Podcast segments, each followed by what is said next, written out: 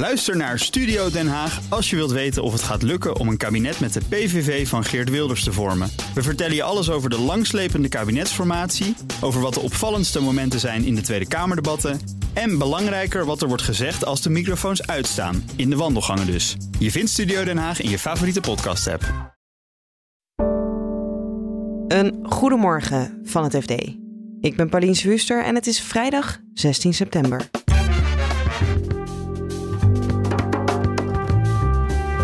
Het Openbaar Ministerie wil Jumbo-topman Frits van Eert nog drie dagen langer vasthouden. Het is wel de talk of the town. En niet alleen in de retail, ik denk het hele Nederlandse zakenleven. Ik heb heel veel appjes gehad van mensen die zich afvragen wat hier aan de hand is en hoe zo iemand hierin verzeild kan raken. Dick Benschop gaat weg bij Schiphol.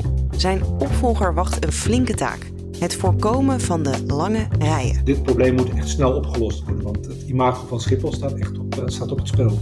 En Shell heeft een nieuwe topman gekozen. Super ambitieus, echt een straatvechter. Uh, en hij is jong en ook, ja, hij is geen Brit en geen Nederlander. Dit is de dagkoers van het FD. Het is geen pretje in zo'n cel.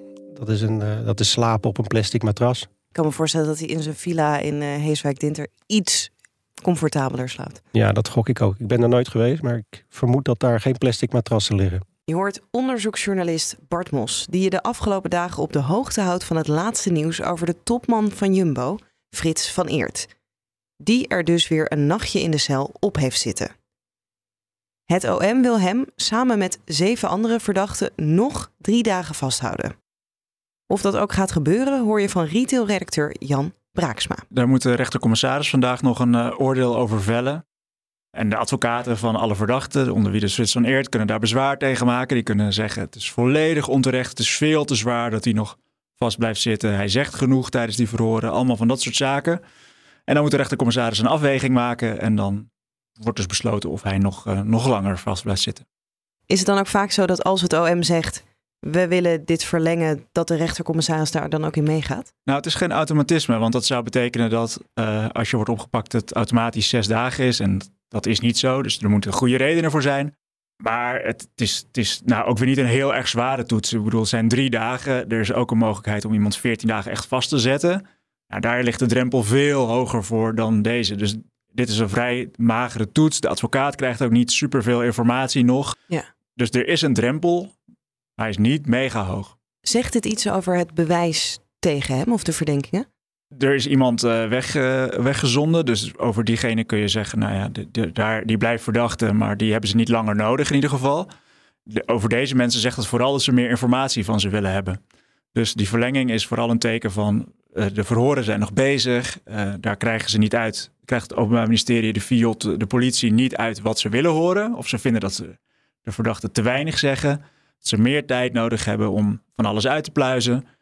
Ja, en dat, dus het is vooral een teken dat ze meer tijd nodig hebben. Het is niet zo dat, dat uh, kijk, als ze geen bewijs tegen ze hadden, dan waren ze nu waarschijnlijk wel weggezonden. Maar dan was het ook al de vraag, waren ze dan überhaupt aangehouden?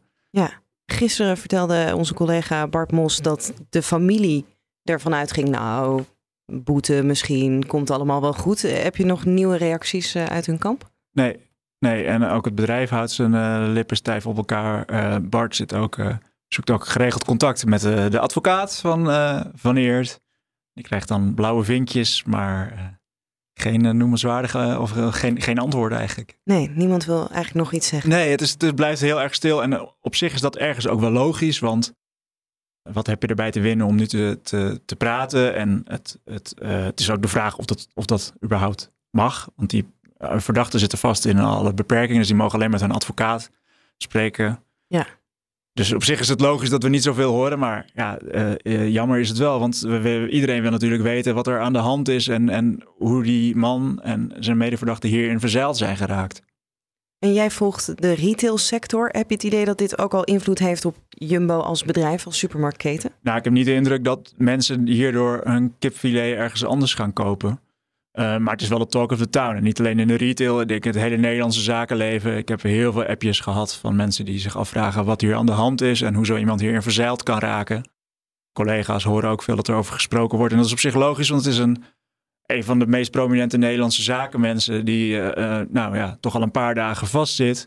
Dat gebeurt niet zo vaak. En het, ook het feit dat we relatief weinig weten, behalve dat het een witwaszaak is, geeft wel aan dat het mysterie, hè, er is veel gissen, maar goed, ondertussen weten we relatief weinig. Alleen dat ze nog wat langer moeten blijven. En heb je daar een antwoord op als mensen zeggen: hoe is hij hier verzout geraakt? Wat is er aan de hand? Nee, dan kan ik eigenlijk alleen maar zeggen: ja, dat vraagt iedereen zich af en dat vragen wij ons ook af.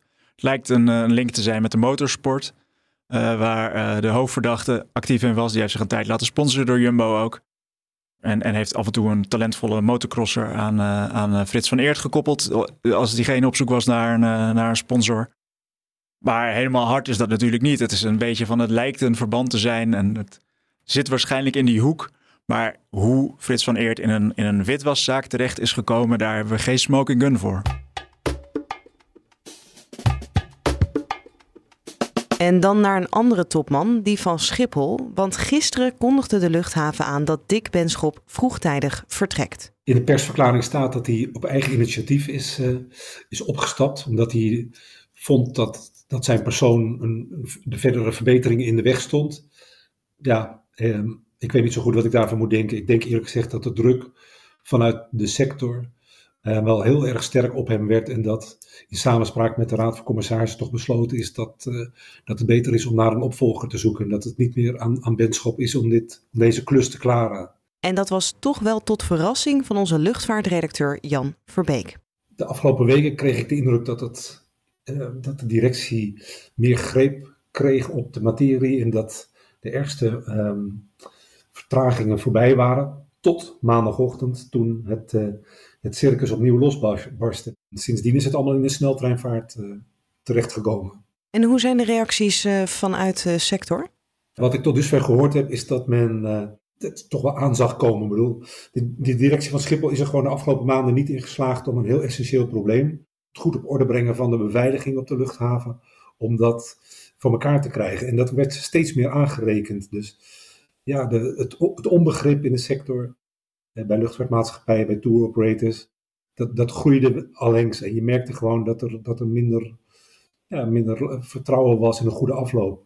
Op dezelfde dag als dat duidelijk wordt dat de topman weggaat, um, ja. zegt Schiphol ook er moeten meer vluchten worden geschrapt.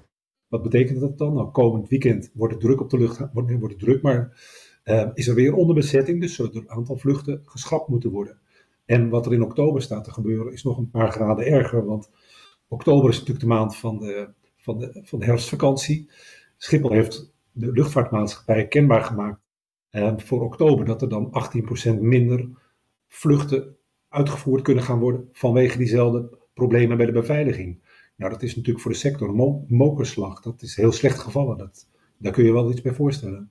Durf jij al iets te zeggen, Jan, over wat de mogelijke opvolger zou kunnen zijn van Benschop? Ik vind het wel lastig. Het is natuurlijk allemaal heel pril, hè, maar ik denk wel dat, dat uh, de Raad van Commissarissen uiteindelijk op zoek moet naar iemand, een man of een vrouw, die in staat is om toch het probleem waar we het nu steeds al maanden over hebben, hè, die capaciteitsproblemen op Schiphol, om die op te lossen. Dus ik denk in de eerste instantie denk ik toch aan het type crisismanager.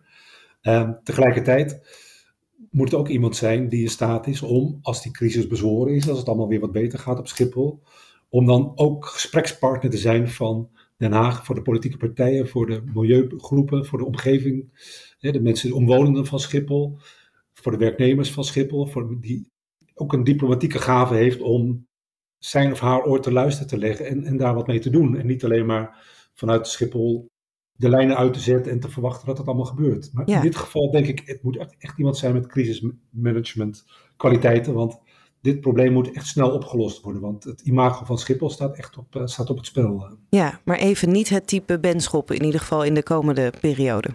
Nee, dat lijkt me geen goede, goede keuze. Ik bedoel, Benschop had zijn kwaliteiten, maar het is absoluut geen, uh, geen crisismanager en daar is die, uh, ja, dat is inmiddels wel gebleken. En dan tot slot ook nog topman nieuws van Shell. Het energiebedrijf heeft een nieuwe CEO gevonden die per 1 januari Ben van Beurden opvolgt. Onze energieredacteur Bert van Dijk stelt de nieuwe topman, Wael Sawan, aan je voor. Nou, hij is uh, 48 jaar en hij is geboren in Beirut, in Libanon. En daar ook opgegroeid in de, nou ja, tijdens de burgeroorlog in de eind jaren 70, 80. Uh, en uh, inmiddels is hij Canadees en hij is opgegroeid in Dubai, ook een, uh, een deel van zijn leven. En hij zit al heel lang bij Shell. Wat Dus, doet hij bij Shell nu? Hij is nu verantwoordelijk voor de, ja, dat noemt Shell dan de Integrated Gas and Renewable and Energy Solutions. Ja, Dat zegt mij nog niet zo heel veel. nee, snap ik. Maar Integrated Gas, dat is eigenlijk gewoon de LNG-tak. En dat betekent de vloeibare gas-tak. Ja. Ook hernieuwbare energie, dus alle nieuwe, schonere technologieën. En dat noemen ze dan ook Energy Solutions. Ik weet, ik weet eigenlijk niet eens wat daar precies onder zit. Maar de hernieuwbare tak en de LNG-tak, zo kun je het eigenlijk eh, omschrijven. Ja, en is dat een logische tak om van over te springen naar het CEO-schap? Nou ja, hij, hij heeft deze positie nog niet zo lang, nog maar ongeveer ruim een jaar. En daarvoor eh, was hij verantwoordelijk voor de, nou ja, eigenlijk de traditionele olie- en gasactiviteiten. Dus dat werd destijds al gezien als een promotie. Dus toen hoorde ik ook al wel dat hij, nou ja, dat het soort opmaat was. En dat hij zich klaarmaakte om een gooi te doen naar het eh, CEO-schap.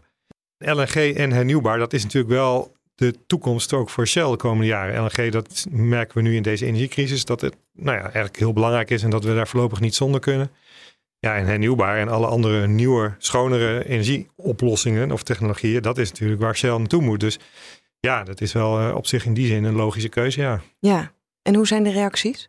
Vanuit binnen Shell eh, eh, positief van de bronnen die ik hoor. En ook, eh, nou ik ook wat aan mensen buiten gesproken. Dus bijvoorbeeld Eumedion, grote belangenbehartiger van grote beleggers. Die zijn, eh, nou ja, tot nu toe enthousiast. Die kennen hem eigenlijk nog niet zo goed. Maar zijn ook enthousiast over de legacy, zeg maar, van eh, Van, van Beurden. Maar analisten zijn, die hem kennen en hem ook gesproken hebben, zijn ook heel enthousiast. Vinden hem heel doortastend.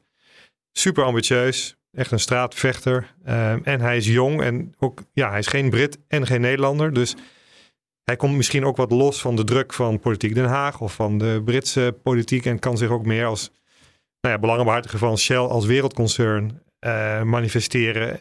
En ook ja, jongere generatie misschien meer aanspreken die Shell hard nodig heeft natuurlijk de komende jaren. Ook om die energietransitie in te gaan. En Van Beurden werd natuurlijk eh, toch wel een beetje gezien als establishment.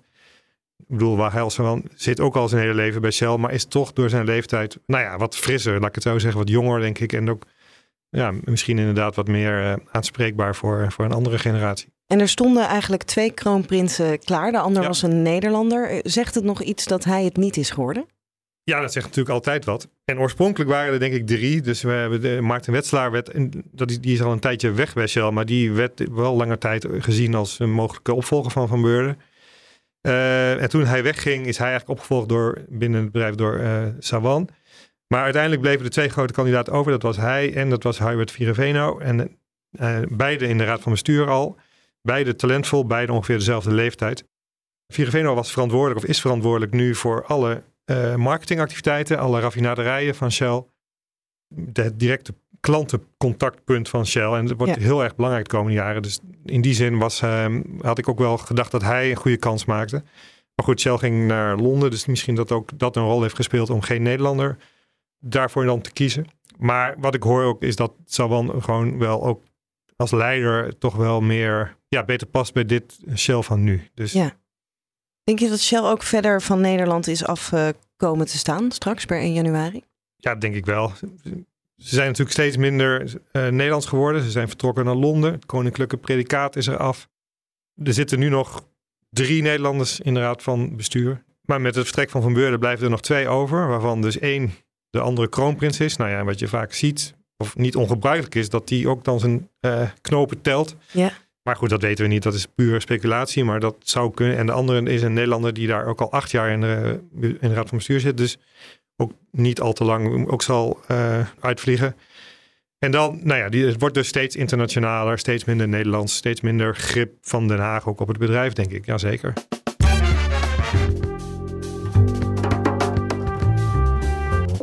Dit was de dagkoers van het FD. We zijn er elke werkdag, dus maandagochtend is er weer een nieuwe aflevering in je favoriete podcast-app. Die krijg je automatisch binnen als je abonneert op Dagkoers. Als je dat hebt gedaan, dan vind je morgenochtend in deze feed ook onze weekendpodcast De Week voorbij met Elfanie Toulaar. Alvast een heel fijn weekend en graag tot maandag.